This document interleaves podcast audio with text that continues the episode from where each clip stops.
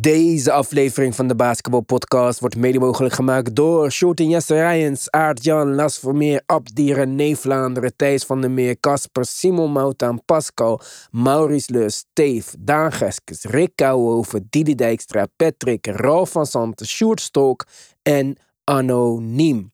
Speciale shout-out naar onze GOATs. Robert Heiltjes, Yannick Tjongajong, Wesley Lenting, Tarun en Yannick, Samet Kasic, Myron en Joey Dallas. Je kunt ons vinden op Apple Podcast, op Spotify. Clips van ons kun je vinden op YouTube. We zijn er op Instagram, op Threads deze dagen, X. En zelfs onze TikTok draait op volle toeren. Maar we zijn er ook op Petje Af. Met een Petje Af abonnement krijg je extra podcast, Tim Talk, toegang tot de groupchat, maar vooral onze eeuwige dankbaarheid. Deze podcast wordt mogelijk gemaakt door jullie en jullie zijn dan ook de reden dat deze podcast in de lucht kan blijven. Ga naar de basketbalpodcast.nl, kies luister op Petje Af, join the family, support the movement. Let's go!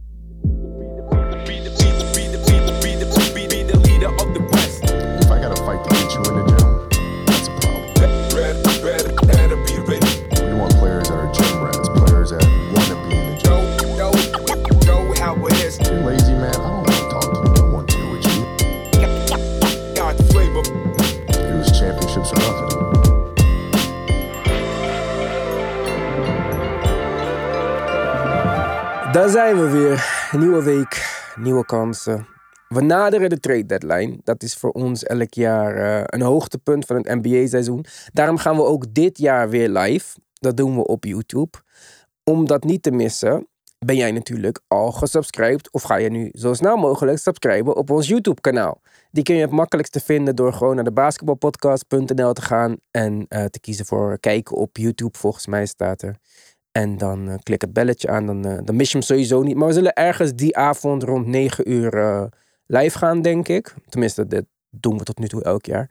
Er is weer een, een guest appearance van een oude bekende. Het is niet eh, Francisco, kan ik alvast verklappen. Ook al heb ik wel de Flex Power eh, trui aan vandaag. Maar eh, om te weten wie dat dan wel is, ja, zul je toch echt moeten gaan kijken. We horen veel namen voorbij komen, Tim de ene na de andere trade-kandidaat. Van DeJounte Murray tot naar Bruce Brown. En of die uiteindelijk ergens zullen gaan belanden, dat, dat gaan we zien. Maar in plaats van ons te richten op al die spelers die beschikbaar zijn, wou ik vandaag even beginnen met te kijken naar de teams die eigenlijk het meest ehm, desperate zouden moeten zijn om, om inderdaad te gaan treden. Ja. Om te beginnen met eh, het eerste team wat mij te binnen kwam. En niet per se omdat ze slecht spelen, maar meer omdat ze te veel goede spelers hebben. Dat is natuurlijk de ultieme positie om vanuit te treden. En dat zijn de Orlando Magic. Ehm, gisteren, voor de mensen die de wedstrijd hebben gekeken. Tenminste, gisteren is voor jullie eergisteren. Want vanavond spelen de Magic weer tegen een ander team uit oosten. Volgens mij, ik ben even vergeten wie. Maar in ieder geval, de Magic. Uh, en Wendell Carter Jr. starten weer. Dat betekende dat Bitatse een eh, DMP van de coach kreeg. Wat natuurlijk eh, heel zonde is, want die was Ja. bezig aan een uitstekend, vooral defensief uitstekend seizoen. Maar Wendell Carter deed het ook niet veel minder. En die draagt offensively ook weer een aardig steentje bij. Je hebt daar ook nog eens een keer Mo Wagner op de bank zitten. Dus er is een logjam at center. Hetzelfde geldt voor de guardpositie. Markel Fultz startte nu. Eh, Jalen Sachs deed het alsnog goed. Maar Cole Anthony komt daar van de bank. Ze hebben jonge guards, jonge wings, shooters. Ze hebben natuurlijk twee studs van wings. Daar in Frans Wagner en Paulo Banquero. Ehm, het zijn er te veel. Beaflopende contracten ook nog eens een keer. Daarom denk ik dat het tijd wordt voor een trade. En zoals ik al zei, het is traden vanuit een luxe positie. Maar het is wel treden om ook eh, de aankomende free agency periode een beetje te ontlopen. Ik weet niet hoeveel vertrouwen er al is in het Bitatse-Wagner eh, combo duo. Maar dit kan wel eens de trade deadline zijn dat wij Wendell Carter Jr. zien vertrekken. Een van Ja, mijn meest geliefde eh jam-spelers, zeg maar. Onder de radar veel beter dan dat ze zijn spelers. Maar ik, ik denk dat dit het moment is om eh, afscheid te nemen. Ja, je valt twee kanten op te redeneren. Maar inderdaad, zijn naam is meer en meer voorbijgekomen. Uh, zeker recent ook. En zoals ik vaker zeg, waar roken is vuur. Als je dat ziet gebeuren, dan uh, wil niet zeggen dat hij dat weg is. Maar je kan ervan uitgaan dat er waarschijnlijk wel her en der gesproken is over hem. Ja, interessant. Want ik zou als Magic zijnde met de positie, de rotatie van de center zoals je hem net voorstelde, zou Wendell niet direct mijn eerste keuze zijn om, om te treden. Maar ja, goed. Hij heeft een injury history. Dat, is nou helemaal, dat kleeft nou helemaal aan hem. Ja, en ehm, dat, dat zie je soms wel eens veranderen als een speler bij een ander team komt. Misschien kan hij naar een team gaan waar zijn minuten wat beperkt kunnen worden. Of waar er offensively ook niet zo op hem geleund wordt. Of defensively. Misschien waar hij één kant van de bal ja, voornamelijk kan doen. Zodat hij misschien energie of uh, wat dan ook bespaart aan de andere kant. Voor mij zouden de Clippers zijn ideale bestemming zijn op dit moment. Als we het hebben over een team die eh, nog een goede big kan gebruiken. Ik vind dat daar Plumlee, Thijs, uh, ja, allebei voor mij zijn zij niet het. En de Clippers zijn een team die voor mij echt op het randje staan van uh, super contenders, zeg maar. Uh, hou Golden State in de gaten. Ik denk dat dit een um, team is die zeer geïnteresseerd zouden moeten zijn in uh, een speler als Wendell Carter Jr. Ze zijn op zoek naar een grote big die offensively iets kan bijdragen. Moody zou mogelijk een interessante piece kunnen zijn voor de Orlando Magic. Cominga niet. Ik denk dat die uh, heel ver achter in de rotatie zou belanden bij de uh, Magic. En ik denk dat Moody en een pick, en vooral die toekomstige pick van de Warriors, misschien wel genoeg zijn om uh, afscheid te nemen van Wendell Carter Jr. Die ze misschien, zoals we hebben gezien eerder dit seizoen, niet per se heel hard zouden gaan missen. Nee, dat is de voornaamste conclusie geweest van zijn afwezigheid en hoe goed Butat het gedaan heeft. Ja, dat kan soms uh, de, letterlijk de ene dood is de andere brood uh, betekenen. In dit geval bij de Magic. Ja, ik denk dat er een aantal teams zijn waarop Wendell zeer goed uit de verf kan komen. En Um, ja, ik kan me ook zomaar voorstellen. De Magic hebben overigens een aantal beslissingen te nemen. Maar die rondom Wendell zou dat zeker. Ja. Ik, ik, ik zou niet verbaasd zijn als hij, als hij vertrekt. Um, ik vind Golden State een interessante. Omdat ik echt geen hoogte krijg van wat zij nou uiteindelijk. Ze worden overal genoemd, maar ik zie het nergens concreet worden. Ik zie nergens nu deze afgelopen dagen meer en meer één naam tevoorschijn komen. Of het lijkt wel alsof ze nog steeds heel erg ja, om zich heen aan het kijken zijn, zeg maar. Ik denk dat het er heel erg aan gaat liggen of ze bereid zijn om die ultieme stap te maken en afscheid te nemen van Clay en Draymond. En om hun toekomstige picks uh, te treden en daarmee all in te gaan op de laatste prime jaar of prime tussen aanstekens van Stephen Curry. Wat ik persoonlijk wel zou doen. Maar um, ja, wie gaat je dan over de hand helpen? Zijn dat de, de voetjes en de die hadden we de vorige keer erbij bedacht. Uh, ik ben het nu al vergeten. Uh, Siakam, die is al weg. Dus die is van de markt. Ja. Maar uh, ja, is, is een Wendell Carter genoeg? Is een Wendell Carter genoeg als je afscheid neemt van een Draymond? Ja, ik denk nou ja, dat, is, dat is het punt, denk ik meer. Nee, precies. Wendell is niet, is niet de enige trade die je maakt, normaal gesproken. Tenzij je hem, inderdaad, zoals je net projecteerde, bijvoorbeeld bij de Clippers. Ja, dan heb ik wel zoiets van: oké, dan is dat team wel, wel af. De, hopende dat hij heel blijft. Maar op een, op een eh, verandering die de Warriors eventueel gaan doormaken, ja, is het waarschijnlijk een onderdeel van een aantal stappen die ze moeten nemen. Ja, en als we kijken naar de rest van het Magic roster, dan heb je Markel Fultz. Is een interessante speler. Ook nog een speler van uh, Ivan zijn lijstje die die graag uh, ziet. Maar ja, die ook in het verleden niet fit is gebleven. Ook dit seizoen weer met injuries te maken heeft gehad. Nu wel weer starten. En net als Wendell Carter Jr. voelde het voor mij een beetje alsof deze spelers werden gestart om hun uh, ja, te reclame te maken. Ja, ja. dus um, ik denk dat ook de trade market voor Markel Fultz niet super groot is. Omdat er toch, denk ik, is hij nou een point guard of niet? Is hij een combo guard? Is hij, uh, is hij een starter? Is hij de speler die je dichter in de buurt brengt van... Kijk, zou hij beter zijn dan Spencer Dinwiddie op de Nets? Jazeker, maar wat heb je ervoor over om hem daar te krijgen? En wat heb je ervoor over om hem te resignen? Het, dat, het is een moeilijke speler, denk ik. Dus misschien zou het ze ook niet zoveel kwaad doen om gewoon de zomer af te wachten met hem en te kijken of het uh, ja, of, of er dan een sign-and-trade mogelijk is. Of eh, een resigning. Ja. Want ik denk niet dat er veel meer... Ja, ik denk dat er niet veel meer in zit. Ik denk dat je bijna net zoveel bij een sign-and-trade kan krijgen voor hem. Als dat je nu kan krijgen bij de trade deadline. Want het is niet alsof de Lakers zeggen... Ja, hier heb je een first round pick. Markel Fultz is voor ons het verschil tussen uh, contenden in de playoffs of niet. Nee, het, de enige scenario waarin dat zou gebeuren is als hij eh, de komende maanden losgaat. En dat iedereen zoiets heeft, damn, oké, okay, Marco Fultz kan spelen. Oké, oké, let's go. En dan Ja. is dus eh een recente stretch in dat geval eh, aanleiding om zijn waarde iets te boosten. Maar we hebben nul aanleiding om dat te vermoeden. Ik denk dat inmiddels, los van alle injuries die eh, een, echt een hap uit zijn carrière genomen hebben, we al min of meer weten wat hij is. En ja, Nou. dan is zijn Nu gaan we Niet? weer richting onderschatten, richting onderschatten. Maar we moeten binnenkort nog de underrated overrated podcast ja, maken. ja, dat is waar. Nee, van, van Markel Fultz durf ik re- wel redelijk te stellen dat we weten. In ieder geval wat hij is. Of het goed of niet goed is, dat is, dat is vers 2. Maar ik zie, eh, ik bedoel, dit wordt geen knockdown shooter. Dit wordt geen table setter. Dit wordt geen, dat, dat, dat Ja, zie ik niet meer zomaar gebeuren. Hij had vorig jaar volgens mij een stress, het laatste gedeelte van het seizoen, dat hij zo goed was, dat hij toch richting 40% van 3 ging. Er zijn spelers, hij is niet zo oud, er zijn spelers die pas op hun 28, 29 toch gewoon een reliable three-pointer ontwikkelen. Kijk naar Jason Kidd, die heeft er jaren over gedaan Ja. om eh, Ja, te bereiken. En Ja. ik zeg niet dat Markel Fultz voor de rest doet wat Jason Kidd deed daarvoor, maar eh, het is niet voor mij uitgesloten dat zijn schot in ieder geval niet meer een. eh, zijn schot is al niet meer een, een echte dolk, zeg maar, in, eh, in het hart.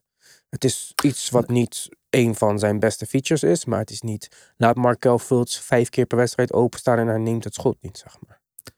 Nee, geen Ben Simmons, zeg maar. Nee, nee, nee, nee. Dat, dat is uiteindelijk waarop je beoordeeld wordt inderdaad. Laat ze je open of eh, zoals ze dat dan zeggen, respecteren ze je, moeten ze je schot respecteren. Want eh, dan eh, kan hij gewoon meedraaien en meespelen zoals gewend zijn. Ik denk inderdaad wel dat laatste van toepassing is momenteel. Maar goed, zijn contractsituatie is wel wat, wat, wat bij hem de drijvende veer, veer in het hele verhaal is. Omdat er zouden ook nog teams kunnen zijn die gewoon het interessant vinden om nou ja, zijn salaris van dit jaar straks uit de boeken te kunnen schrijven. En dat dat voor hun een, een eh, argument wordt om, om voor hem te treden. Dus dat Ja, maar er zijn spelers, ook nog. er zijn spelers die je voor hetzelfde bedrag voor veel minder assets kan krijgen. Ik bedoel, een Spencer Dinwiddie, een Evan Fournier verdienen allemaal in de buurt van dat bedrag. En Ja. daarvoor hoef je in principe veel minder op te geven. Dus ik weet niet of hij in dat geval een asset is. Dan zou het gaan om een combinatie van en we willen kijken hoe hij het dit jaar doet. En we willen kijken, eh, anders is hij uit de boeken, zeg maar. Ja, dat zal, dat zal het ook wel zijn. In het geval van Fournier en, eh en Dinwiddie, met name Fournier. Denk ik dat de plannen al klaar liggen vanuit de Knicks om daar wat anders mee te doen. Dus ik denk, ik denk dat eh Fultz het dan wel moet hebben van teams inderdaad die eh, niet nu bezig zijn met ofwel de Knicks ofwel de Nets. Want eh, ik ben het met je eens. Dat zijn, dat zijn twee jongens met aflopende contracten die denk ik als eh, optie nummer 1 en optie nummer 2 in de league eh, worden beschouwd. eh, voor teams die het straks uit de boeken willen schrijven. Ja. Ja. Welk eh, team had jij in gedachten, Tim? Wie moet er een move gaan maken? Wie gaat deze trade deadline knallen? Ik ga ervan uit en ik mag hopen dat de Sacramento Kings dat gaan doen. Wat mij betreft moeten ze het in ieder geval. Eh, ik verwacht namelijk niet dat we, om welke onverklaarbare reden dan ook, straks in de tweede seizoenshelft opeens weer de Kings van vorig jaar zien. En eh, dat die jongens eh, een push maken voor tweede ronde playoffs, wat een verbetering zou zijn ten opzichte van vorig jaar. Eh, dit, dit seizoen kunnen ze echt nog niet overtuigen. Lijkt op, op, wat mij betreft op geen enkele manier op wat ze vorig seizoen deden. Nou, dan snappen we natuurlijk ook wel dat het vaak zo is bij teams die een soort revelatie doormaken, zoals zij vorig jaar deden. Eh, maar ik vind het wel opvallend. En wat mij betreft, en ik heb dit vaker gezegd, is Harrison Barnes de, ja, de zwakke schakel in het geheel. En moeten ze echt zorgen dat ze het voor elkaar krijgen om van hem afscheid te kunnen nemen, om op die positie te kunnen upgraden. Daar begint het mee. Ik denk niet dat het antwoord is op alle twijfels en vragen. Maar ik denk wel dat daar voor hun echt nog een stap te maken is in eh, nou ja, hoe sterk zij zijn en, en uiteindelijk wat ze ook kunnen. Want de verwachtingen, dat is een beetje het probleem, zullen hoog gespannen zijn na wat vorig seizoen eh, eh, gedaan werd in Sacramento. Dus ja, dan, wat mij betreft moet je dan. Je kan nu niet zeggen van nou, laat maar een beetje varen. Ja, kijk, vorig jaar waren zij de verrassing in het Westen natuurlijk. Eh stonden gigantisch hoog. Uiteindelijk gaan ze in de playoffs naar huis in een, volgens mij, seven game serie tegen de Warriors. games, ja. op eigen Ja. vloer ook nog. Ehm, ja, Sabonis was in die serie ehm, ver onder wat zijn status was in de regular season. In de regular season was hij een all-star. Leken we eindelijk alsof we toch ehm, ja, de corner turn, ik weet niet hoe je het in het Nederlands zegt, met Sabonis als, eh, als, als anker van jouw frontcourt, zeg maar. Ja. Ik, ik, voor mij zijn de vraagtekens op dat gebied nog steeds daar. En ik vond het verbazingwekkend dat zij al in tussen aanhalingstekens wouden gaan op Pascal Siakam. Terwijl dat niet voor mij de oplossing is. Kijk, Porzingis is, niet beslis, is niet beschikbaar, maar ik, ik zoek zo'n type speler. Een 4A5 die de rim kan protecten en die van buiten wat kan doen. En dit is noodzakelijk. En we komen altijd terug op hetzelfde verhaal. Dat had hij al bij Indiana, dat werkte ook niet. Dat snap ik, maar ik denk dat Miles Turner wel alsnog een hele andere type speler dan Porzingis is, zeg maar. En die spelers zijn er gewoon niet zoveel in de league. Nee, klopt. Nee. Daardoor, ik, ik zie een, nog steeds een vooruitgang in De'Aaron Fox. Ik vind hem een van de meest underrated spelers in de NBA dit seizoen. En dan underrated, ik weet niet wie hem underrated, maar as in hoeveel wij over hem praten en waar wij Ja. hem zien in gesprekken voor All-Star of MVP of wat dan ook. Waar die Under the radar. ja, ja. in zou moeten zijn. Maar om dat team te verbeteren, ik snap dat Harrison Barnes trade zelfs voor een, een slight upgrade, upgrade over Harrison Barnes al een verbetering zou zijn. Maar het gaat ze nog steeds niet verder brengen. Als dit probleem, wat er vorig jaar was, dit jaar weer opduikt. Want dan wordt het op een gegeven moment gewoon een. ehm, is dit onze beeld wat het probleem is? Of is dit een, een speler-away probleem?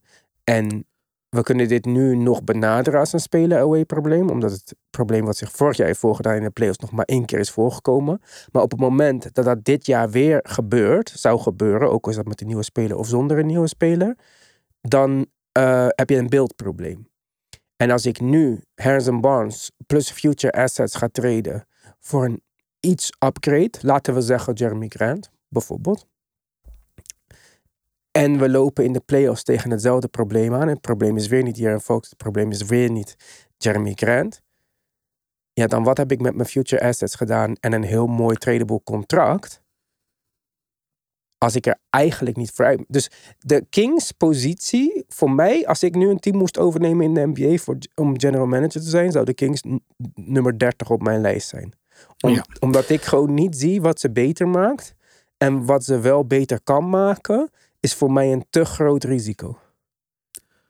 Ehm, ja, deels eens. Eh, ik denk inderdaad dat eh, het feit dat we, als ik een trade voorstel of een speler voorstel, we het niet meteen hebben over, nou dat maakt de Kings contenders. Inderdaad kun je dan in twijfel stellen bij de beeld van het team. Maar die discussie wil ik even, eh, ik bedoel, die kunnen we ook wel voeren. Maar ik denk voor het seizoen waarin zij zitten en de verwachtingen die ze hebben, zullen ze waarschijnlijk kijken naar wat kan er nog bij, waar kunnen we upgraden. En dan zie ik absoluut op die positie dat ze beter kunnen worden dan ze waren. Ik kan me niet voorstellen dat dit team met hun eh, geschiedenis en dus de ervaring die ze afgelopen jaar voor de eerste keer hadden, daar niet in bepaalde mate van geleerd hebben. Ik zou, het zou me zeer tegenvallen als ze komend seizoen op exact dezelfde manier eruit vliegen als dat afgelopen seizoen. Want dat zou echt heel teleurstellend zijn. En jij zegt Jeremy Grant, ja, eh, daar heb ik weer een probleem mee, want dat komt door zijn contract. Dan zet Ja, je nee, jezelf helemaal dat- vast. Dit was een voorbeeld van mij. Kijk, Dat is een goed voorbeeld. De speler is, is realistisch. En dit was een positie waar zij eh, interesse in hebben getoond. Daar, Ja. Daarom was het meer dat ik Jeremy Grant noemde, omdat het speler is die beschikbaar is. En hè, Ja. Portland kijkt niet al te nauw op de spelers die ze terugkijken, eh, terugkrijgen. Het gaat erom dat het pakket in het algeheel eh, voldoende is. Waar ik denk dat de Kings een veel groter probleem hebben. Ze hebben Keegan Murray de hele Summer League gespeeld om te kijken of er wat meer balhandeling uit zou kunnen komen. Om te kijken of zijn eh, ceiling misschien toch wat hoger ligt dan wat hij heeft getoond de afgelopen twee seizoenen. Waarmee ik Keegan Murray nog steeds een hele goede speler vind. Maar dat kleine stukje extra wat ze van iemand nodig hebben in de starting line-up, ben ik bang dat hij niet gaat brengen. Dan hebben we Davian Ja. Mitchell. Die natuurlijk een geweldige point of attack eh, defender is. En dat doet hij nog steeds goed. Maar ook hij heeft eigenlijk vanaf het moment dat hij in de league is gekomen tot nu geen vooruitgang gemaakt. En dat wat hij zo goed doet, point of attack defender, Ja. dat hebben we in Dennis Smith Jr. voor een minimum contract in Brooklyn rondlopen. Dus dat is ook niet de moeite waard om te zeggen, die moeten we gaan resignen deze zomer. Wat gaan we hiermee doen? Dus we hebben allemaal intern jonge spelers die geen extra stap hebben gemaakt. De kans dat De'Aaron Fox volgend jaar nog een level omhoog gaat, waardoor hij zo goed wordt dat hij welk team om hem heen dan ook een ronde vooruit gaat slepen in de playoffs, is aanzienlijk klein. Veel kleiner in ieder geval dan, dan nog die, zelfs die stap van Keegan Murray of zo. Wat ik nog ergens zou kunnen geloven dat hij een stap gaat maken.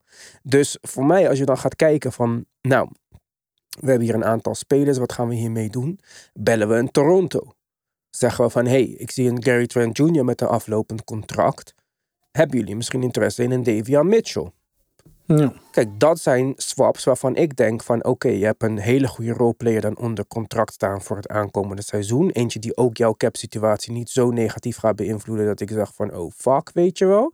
En je hebt een jonge piece voor Toronto, waarin je er misschien dan mee wegkomt in die trade om niet zoveel picks te traden, omdat Toronto liever jonge spelers ziet. En Davion Mitchell zou ook nog een goede backup zijn daar in de toekomst voor eh, Quickly. Ja. Dus eh, kijk, Ja. dat, dat soort moves. Maar dat zijn zulke kleine moves. En dan denk ik, stel dat je in een van die kleine moves die je gaat maken een pick kwijtraakt. Zou je er dan niet verstandiger aan doen om te wachten tot de aankomende zomer? Als er misschien meer spelers beschikbaar zijn op de transfermarkt. Meer grotere spelers die een groter verschil gaan maken. En al die picks die je hebt gebruiken in combinatie met een Harrison Barnes contract. Om bijvoorbeeld, laten we zeggen dat het ooit helemaal naar de tering gaat in Phoenix. Wat ook niet zo eh, waarschijnlijk is. Dat je echt all in gaat voor een Devin Booker. En dat je dan denkt van oké, kijk, dan gaan we een verschil maken. Want de Kings hebben nu een pakket. Of kunnen nu een pakket samenstellen om voor Zach Levine te treden. Zijn trade value is vroep. Maar Zach Levine gaat ze zelfs beter maken. Maar het gaat ze nooit over de hamp helpen. En als jij dan jouw treedbare contracten en assets hebt ingeruild voor een speler die jou 10% heeft beter gemaakt, maar uiteindelijk wat jou niet verder gaat helpen, hetzelfde probleem is als vorig jaar, ja, dan ben je niet alleen fucked voor dit jaar, volgend jaar, maar ook de jaren daarna. Jawel, maar goed, dan zou je, eh, dan zou je in de core moeten gaan snijden nu, zoals die er nu is. En ehm, ik denk dat ze alle signalen hebben gegeven dat Fox en Sabonis hebben Sabonis zijn contract opengebroken en verlengd. En Keegan Murray, ik denk dat, daar, dat je daar een driehoek van hebt waarvan de club waarschijnlijk zegt, daar staan we, daar geloven we maximaal in. Ja, hoe groot is de kans dat ze op dat besluit alleen al komende zomer terugkomen en zeggen, nou weet je wat wij gaan doen? We gaan inderdaad eens proberen om ergens een, en inderdaad een grotere naam, zoals je net al noemde, eh, binnen te kunnen halen. Of ons positioneren om dat nog te kunnen doen. De Kings zitten in een andere mindset. Die willen gewoon knallen nu. Dus daarom zie ik ze. De, de move die je net noemde is niet zo gek. Maar ik zou het liever zien in combinatie met. Halen Kyle Kuzma op de vier. Ik vind het een upgrade over Harrison Barnes. Is het een wereldbieder? Nee, natuurlijk niet. Je wordt niet ineens een contender omdat je Kyle Kuzma op je team zijn. Maar het is een goede, nuttige aanvulling die nog een paar jaar mee kan. Harrison Barnes verwacht ik van dat het niet veel meer wordt dan, eh, dan wat het nu is. Nee, dat kan je wel met inderdaad- vrij veel zekerheid stellen, denk ik. Ja, dus de, je, je vervangt de, de een, nou ja, die zending eh, voor een speler die, eh, als het goed is, nog de potentie heeft om eh, in ieder geval het leuker en beter te kunnen doen op je team. En als je dan inderdaad zo'n jongen als Davian Mitchell, die, die nu DMP's krijgt en nou, ja, noem nog eens een bankspeler, eh, zou kunnen eh, gebruiken om. Gary Trent is een hele goede, is een hele goede naam. Nuttige, dan kun je straks de rotatie en je hebt een, van de six, beste six men in, de in de league, heb je al.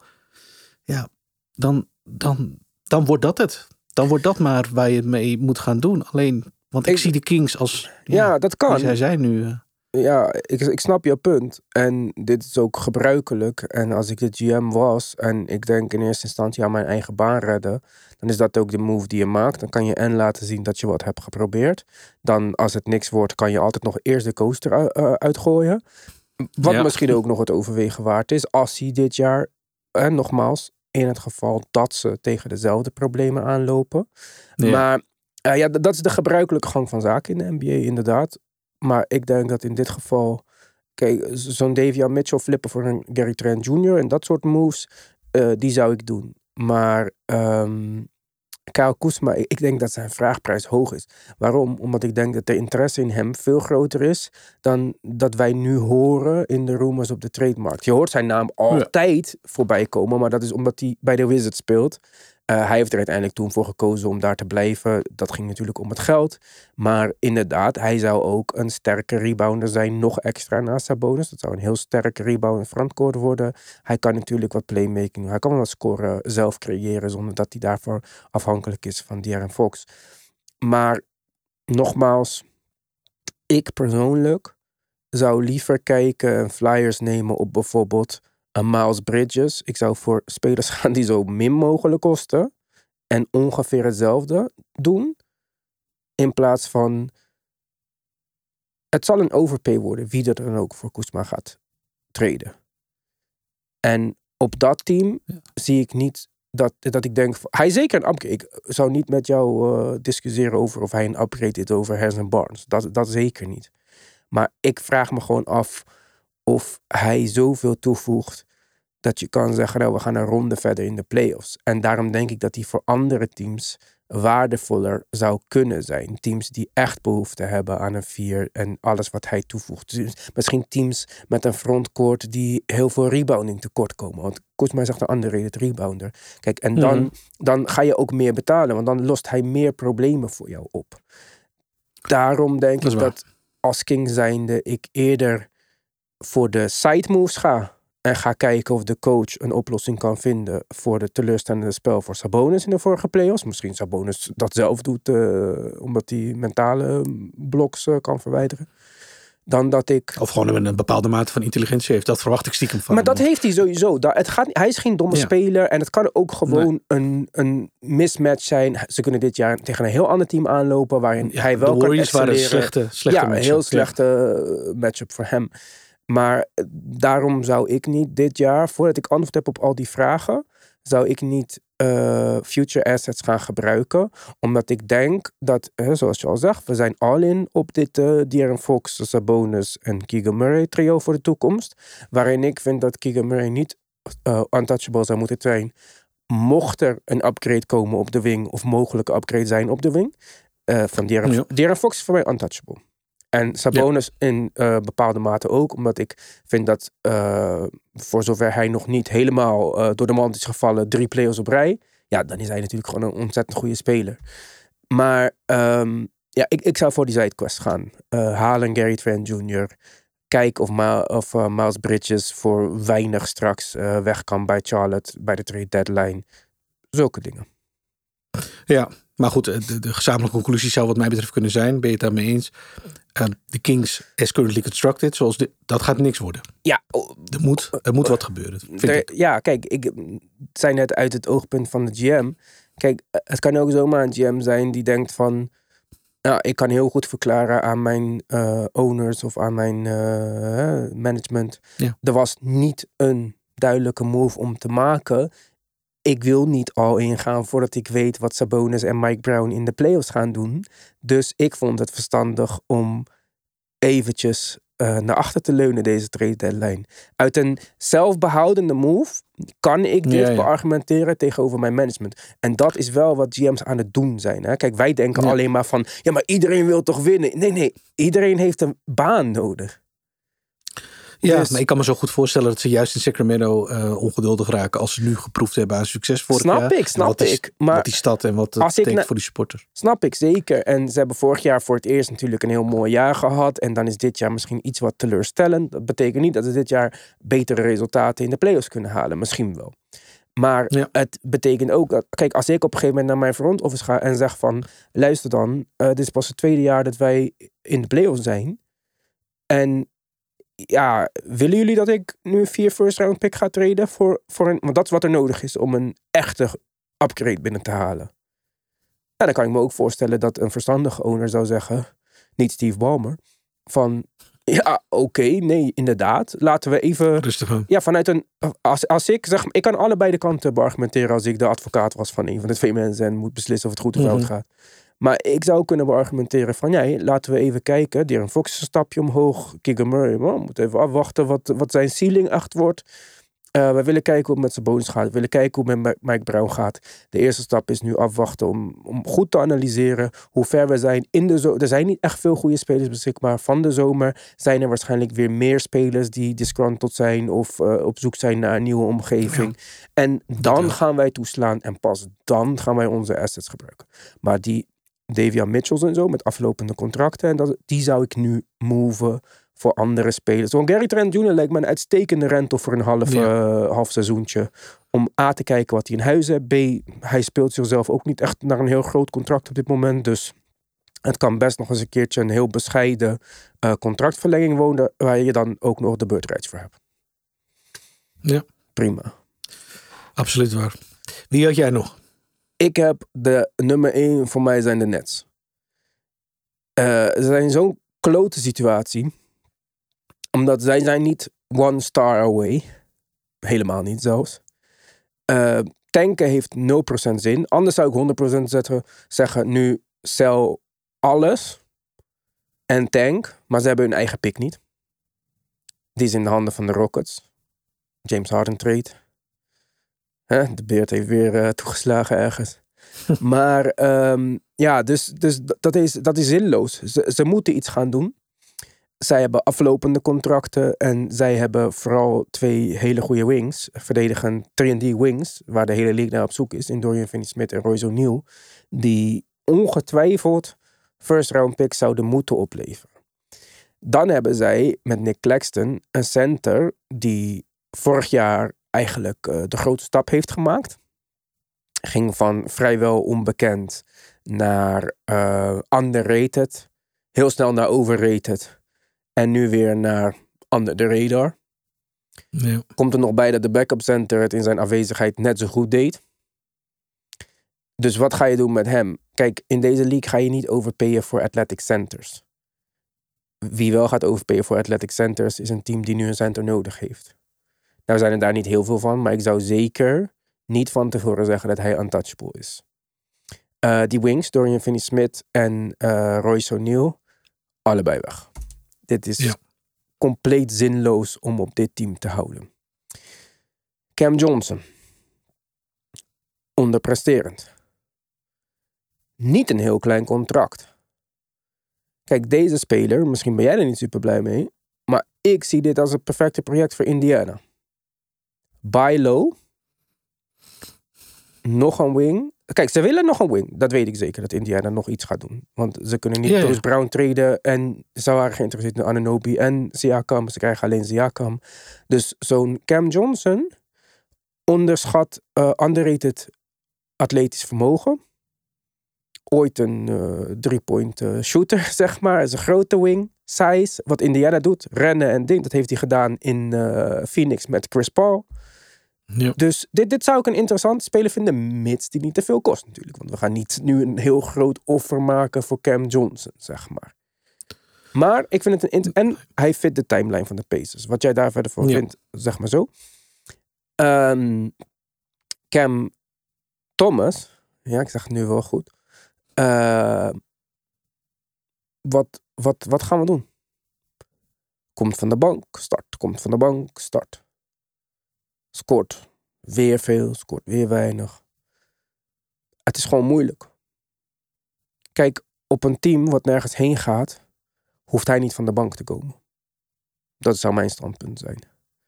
Ik, Mhm. ik, ik ga niks over Jackie zeggen, want dan krijg ik boze mensen op mijn dak. Maar er is bijna geen graadmeter te gebruiken om te kijken hoe deze spelers aan hun verwachtingen voldoen. Als je een coach hebt die geen enkel idee heeft van wat hij aan het doen is. Nee, hij staat er echt niet mooi op. Ik heb, ik heb ze zondag gezien en dat was ook weer... eh, Ja, Werkelijk dramatisch. ze waren op eh, display, national TV, zowel in Nederland Ja. als Amerika. Maar ja, kom op joh. En ehm, dan heb je mijn eh, allergrootste vriend Spencer Dinwiddie. Die niet alleen nooit van zijn leven meer een startende point guard moet zijn. Maar ook een aflopend contract heeft. Ja, Kijk, de Nets hebben wat picks. Ze hebben wat picks gekregen van Philadelphia. Ze hebben wat picks van andere teams volgens mij. Dus er zijn zeker moves om te maken. Ze hebben geen incentive om te verliezen. Dus ze moeten moves gaan maken. dit is voor mij geen team waarvan ik zeg, trade drie first round picks voor Zach Levine. Of ga achter, mocht die al beschikbaar zijn, want dat twijfel ik eh, erg aan, Brandon Ingram. Dat, we zijn daar niet. Mikael Bridges was, eh, is waarschijnlijk niet jouw number one option. Zo eerlijk moeten we ook zijn. Mhm. Dit is net als eh, de Kings in, in een andere, op een andere positie. Voor mij een team die side moves moet maken. De Lakers zijn geïnteresseerd in de Shante Murray. Daar moeten de Nets niet voor gaan overpayen. En ik denk ook dat als de Shante Murray naar de Lakers wil, dat Klas dit gaat fixen. Daarvoor terug gaan ze D'Lo naar de Hawks sturen. Maar de Hawks zijn op zoek naar een derde team voor D'Lo. Ja. Kijk, dit is waarvan ik zeg... D'Lo had de beste periode van zijn carrière bij de Nets.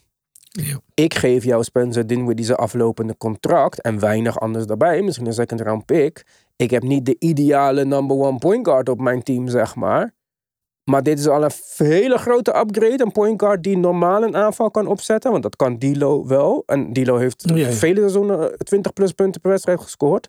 En zoals ik al zei, vond het waarschijnlijk leuk in, in Brooklyn. Kijk, dit is voor mij een second round pick en een aflopend contract.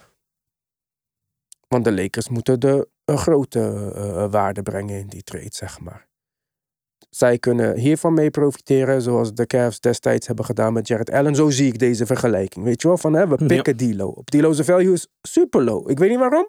Schiet 40% van drie, weer dit jaar, bijna over zijn hele carrière. Tegen trouwens 5,7 eh, attempts. Dat wist ik niet eens, dat hij nog 5,7 3-point attempts mag nemen bij de Lakers dit jaar.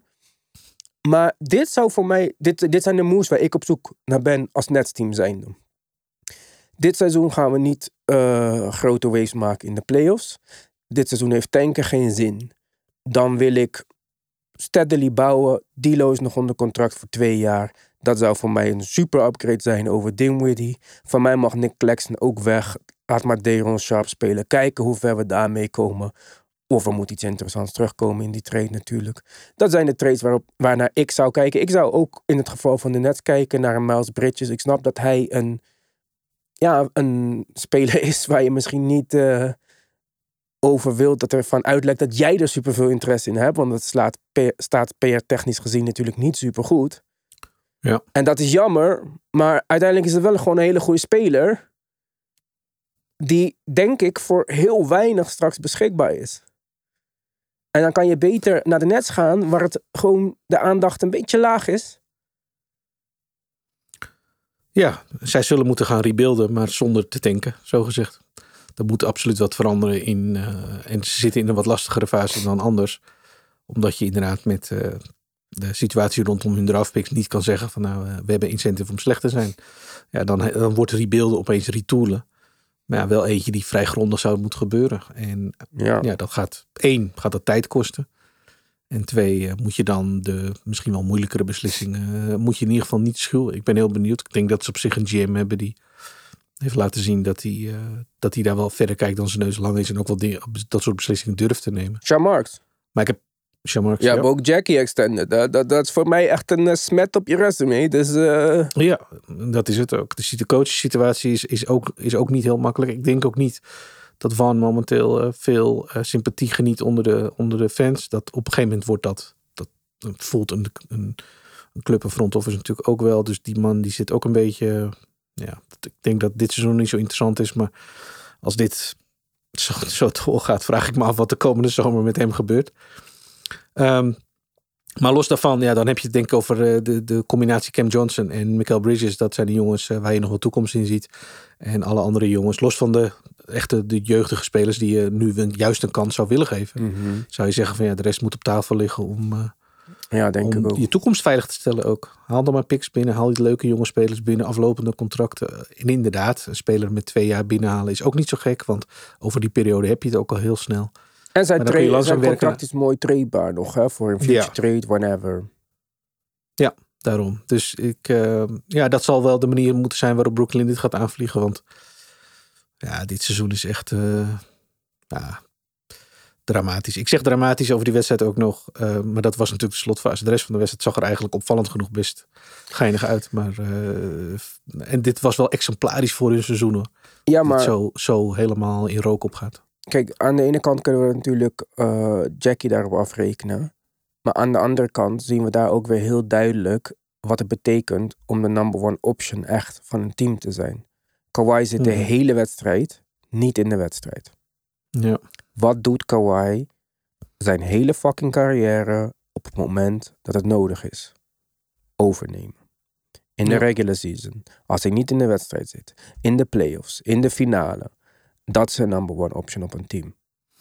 En dat is Ja, en- ja, maar ik, nogmaals, hè, ze werden niet in stelling door de coach gebracht om een goed einde aan deze wedstrijd te breien. En de Clippers, zoals ze op een run gingen, dat is natuurlijk ook exemplarisch wat een superstar team doet, zeg maar, eh, Mhm. in zulke momenten. Maar ja, tuurlijk. ik ja. denk dat op de Brooklyn Nets geen number one option is. En ik zeg wel eens, ik twijfel aan of Jason Tatum een number one option is. Kijk, daar valt nog, eh, even, dat valt nog even aan te kijken. Maar bij de Brooklyn Nets hoef ik niks meer te zien. Dus om nu te gaan rebuilden, zelfs om. Ik, ik vind zelfs dat Mikael Bridges niet untouchable moet zijn. Kijk, bijvoorbeeld, we hebben nu de Cleveland Cavaliers. Die op een run zijn. Hè? En waarom zijn ze op een run? Ze zijn op een run omdat we eindelijk niet meer met zo'n fucking klein backcourt spelen. En of het nou Mitchell is of Garland die oud is, dat maakt niet uit. Evan Mobley, die niet daar kan ontwikkelen en daar als niet shoot, shootende big naast een andere niet shootende big stond, is ook weg. Zij zijn beter geworden doordat de twee, jonge, jongste, doordat de twee beste jonge spelers van hun team oud zijn. Dat zegt meer over de beeld dan over die twee jonge spelers. Ja, absoluut. Ja, vind ik ook. Maar, wat als de Cavaliers op de een of andere manier ook maar denken dat met een klein beetje playoff succes het behouden van Donovan Mitchell deze zomer makkelijker wordt? Waarom zou ik dan niet Mobley en Garland bieden voor Mikael Bridges? En als ik Brooklyn ben, zeg ik, let's go. En ik zou, dat, ik zou dit 100% doen. Was het niet dat ik denk dat Donovan Mitchell weggaat bij de Cavs. En daarom als Cavs zijnde zou ik dat misschien niet doen. Maar eh, als jij enige zekerheid hebt dat Donovan Mitchell wil doorgaan. Haal maar Mikael Bridges. Past veel beter dan Ja. Garland en Evan Mobley. En je gaat Mobley nooit ontwikkelen met dit team. Nee, maar goed, dat kun je natuurlijk ook van de andere kant van die core eh, benaderen. En dus dat, dat is dat je zegt wat er eigenlijk bij de Utah Jazz nu ook gebeurt. Kijk, dit team maakt verschrikkelijk reclame voor zichzelf. Twee jongens die daarin voorop lopen zijn Donovan Mitchell en Jared Allen. Die alle twee... Je het denkt andersom, zeg maar. Trade Donovan Mitchell Ja. en eh, Jared Allen. Maar snap je? Want die andere twee, de Garland en Mobley, die hebben wel de toekomst qua, qua leeftijd. En als je dus ziet van ja, maar die core zoals wij hem voor ogen hadden, die deugt niet. Nou, daar is vaker kritiek op geweest. Ah, kijk wat er gebeurt als we twee van die jongens laten spelen. In de combinatie guard-forward, zoals ze zijn, of guard-big, laten we het zo maar noemen. Eh, dan gaat het hartstikke goed. Nou, laten we dan zorgen dat we kunnen capitalizen op Donovan Mitchell. En vooral Jared Allen, want die is volgens mij echt momenteel aardig bezig om zijn waarde op te krikken. Ja. Ehm, ja, dan laten we dat dan doen en proberen daarna er eh, wat aan toe te voegen. Maar laten we werken met die jonge jongens die de toekomst hebben. Ehm, Zou ik zeker niet, op, als dat gebeurt, zou ik 100% niet zeggen van dit was de foute move. Ze zijn eh, stom bezig, dit had ik niet gedaan. Zeker niet. En misschien is het zelfs de verstandigere move om, om dat te doen, wat jij zegt. En eh, voor mij zou de grootste, eh, hoe noem je dat? Iemand die het verschil maakt. Vers, ja, een verschil maken. Of het, Verschil maken, ja, ja. het grootste issue in dit is gewoon omdat ik dan zekerheid wil hebben dat Donovan Mitchell bijtekent. Zoals Janus zekerheid wink wink geeft elke keer als hij zegt dat hij niet weet wat hij moet gaan doen en ze treden voor. Ik zou naar Donovan Mitchell gaan. Want kijk, ehm Donovan Mitchell is 27, 28. Jared Allen is nog geen 30. Dus het is ook weer niet zo dat als we zeggen van we kiezen voor deze core, dat we maar een window hebben van twee jaar of zo. Het is, nou- zijn nog steeds, het is nog steeds een core met jonge spelers. Dus als Ja, Donovan. Mitchell aan mij aangeeft dat, ik, dat hij blijft, als er een andere All-Star à la eh Mikael Bridges binnenkomt, mhm. dan zou ik. Want Evan Mobley ga ik niet ontwikkelen daar. En ik, ik betwijfel. Ik twijfel er nu zelfs aan in hoeverre Evan Mobley's ceiling niet een klein beetje overstated was. En dat komt ook omdat we het niet goed kunnen zien. Maar Ja, precies, we hebben het niet goed gezien. ja, het, het zou ook zo kunnen zijn dat dat, dat het niet uitpakt zoals wij denken. Maar voor de, voor de net zou ik dit een geweldige opbrengst vinden voor Mikael Bridges. Die picks zouden me 0% interesseren. Ik zou liever die Toronto eh, route nemen. Met Garland en ehm, met Garland, Cam Thomas en Mobley. Leuk man. Kijken, kijken hoe dit gaat uitpakken. Ja, je treedt dan eigenlijk voor een, een nieuwe jonge basis waarmee je verder kan werken. En dat is wat eh, Brooklyn ook moet gaan doen. Want je hebt, je hebt te maken met een basis waarvan eigenlijk elk team normaal gesproken één heeft. In meer of mindere mate. Maar die basis is in Brooklyn natuurlijk gewoon eh, onder, onder hun voeten vandaan geschopt destijds. Met die eh, drie grote jongens die binnenkwamen ten koste van Ja. alles. En ook weer met dezelfde, eh, met dezelfde poolhaven vertrokken. Dus de- je zal toch weer een basis moeten bouwen. Het nadeel is voor Nets-fans, ja, dat gaat tijd kosten. Dat is het grote probleem. Dit doe je niet in één seizoen en waarschijnlijk ook niet in twee seizoenen. Kijk Dus, ik liever ja, naar jong het- talent op de vloer. à la Garland en Evan Mobley. Dan naar eh, Spencer Dinwiddie en... ja, eh, dan wat je dit seizoen ziet, dat gaat helemaal nergens heen. Dus het, het- eens, het, moet wel hoop bieden. Ja. We gaan zo natuurlijk eh, verder op Petje Af. Jongens, als jullie kunnen, word lid van Petje Af. Ik snap dat het niet iedereen breed in zijn geld zit deze dagen. Er zijn verschillende pakketten. Je support ons ermee. Je houdt deze podcast in de lucht. Wij hebben geen reclames in deze podcast. Mede doordat wij ehm, ja, door jullie in de lucht gehouden worden. Dus ga naar de basketbalpodcast.nl. Kies voor luisteren Petje Af. En geniet van al onze extra content. Voordat we naar Petje Af gaan, Tim, wil ik nog even naar TikTok kijken. Want de vragen blijven binnenstromen. Daar ben ik heel erg blij om. En er zitten ook een aantal hele leuke vragen tussen. Om te beginnen met... Dief, Of Dief. zou ik even, eh, gok ik, Dief, ja. ik ben ongeveer twee maandjes terug gestart met de NBA kijken. Ik heb alleen nog moeite met een favoriet team kiezen. Hebben jullie tips om er een te kiezen? Nou, die heb ik zeker. Ik ga ervan uit dat jij als eh, nieuwe fan niet zomaar op de bandwagon wilt stappen van een team die echt al eh, gearriveerd zijn. Dat, is een beetje leem. Dus, je gaat kijken naar een jong, leuk team met een hoop upside. Daarvan heb ik er twee in de aanbieding. Dat zijn de Oklahoma City Thunder. Ja, dat, dan ben je al wat laat op de bandwagon. Maar eh, ik kan me bijna niet voorstellen dat een team met zo gigantisch veel jong talent. We praten niet alleen over een Chat en een Jalen Williams, maar natuurlijk een echte superster in Shea Gilgeous-Alexander. Een shitload aan picks eh, in de schatkist. Dat die ooit nog naar beneden gaan kijken. Die gaan de komende jaren omhoog. Nummer 1. Nummer 2 Orlando Magic. Twee starts van Wings. Banquero, Frans is weer terug. We hebben ze besproken in de podcast. Ze kunnen nog een hoop trades maken. Maar ik denk ook dat dit een team is die de komende jaren alleen maar op, op, op en op gaan. Dus dat zouden mijn twee teams zijn. Wil jij nog een Pacers in het zakje doen? Of, eh, Ik zou een Pacers om dezelfde argumenten in een zakje kunnen doen. Maar als je mij vraagt wat was mijn antwoord geweest, had ik de Thunder gezegd. Dus wat dat betreft zitten we, zitten we redelijk op een lijn. Oké, next. Sivan. En de vraag is eigenlijk finals predictions. Ja, Lijkt duidelijk. Vraagteken. die hebben wij gedaan natuurlijk aan het begin van het seizoen. En eh, voor mij waren het de Nuggets en de Bucks. En ik ben nog niet bereid om daarvan af te wijken. Ik weet zeker dat jij, je had ook niet de Bucks, maar dat jij mijn eh, Bucks in twijfel zal stellen. Maar wat zijn eh, jouw finals kandidaten op dit moment? Ja, dan zou ik toch nog steeds gaan voor de Nuggets en de Celtics. Ja, En dat was volgens mij aan het begin van het seizoen ook al zo. Dus wat dat betreft zien we een hoop gebeuren. Maar eh, de eindstand is toch eh, vaak dat je weer een beetje terugvalt op de, ja, de, be- de bekende teams. De, de, de misschien wel veilige keuzes. Maar ze laten het wel zien. Celtics staan ook rustig bovenaan. Dus zo'n gekke keuze is dat ook weer niet. Nee, daarom. daarom. Hadden we nog een vraag? Ja, Kiel en Anthony, kunnen jullie het misschien hebben over de Pelicans? En wat zij dit seizoen eventueel kunnen bereiken? Ehm, ja, we hebben er heel weinig over de Pelicans. Ik kijk ze minder dan dat ik in het verleden heb gedaan. Omdat elke keer als ik ze in het verleden wou kijken, ze mij teleurstelden door een DMP of een injury van iemand. Dit seizoen is Zion aardig fit gebleven. CJ was natuurlijk een tijdje uit. Hoe heet die jonge guy die ze hebben? Die eh supershooter? Trey, Trey Murphy? Nee, nee, nog jonger. Nieuwe. oh, Jordan Hawkins, ja. de rookie. Die vind ik echt gruwelijk. Dit is de, de, Ja, de 3.0 versie van JJ Redick. Hij is een van de beste Ja, off-ball movement shooters die er is. Alleen daarom al vind ik ze het kijken waard. Ik vind het gewoon jammer dat Zion eh, op dit moment, naar mijn mening, niet alles eruit haalt wat erin zit. En ik vind de fit met dat frontcourt nog steeds klanky. Dus eh, ik denk dat zij niet eh, super ver zullen gaan komen. Eh, nee, maar het is, eh, zij zijn wel eh, eentje zwaar in de categorie van gevaarlijke klanten in de playoffs.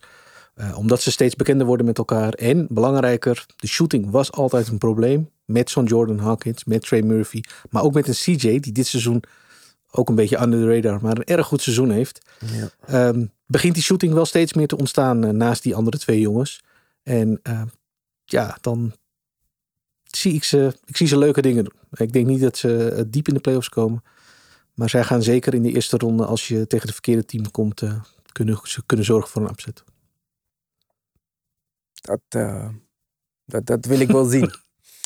Ja. Ehm, wij gaan verder op Petje Af. Dus zoals ik al zei, basketbalpodcast.nl. Kies voor luisteren op Petje Af. En anders zijn wij er eh, op YouTube deze week. En op TikTok, Instagram. Overal volg ons. Vergeet niet te subscriben op ons YouTube kanaal. Want daar zul je onze Trade Deadline Live Super Special Night eh, kunnen bijwonen. Tot ziens!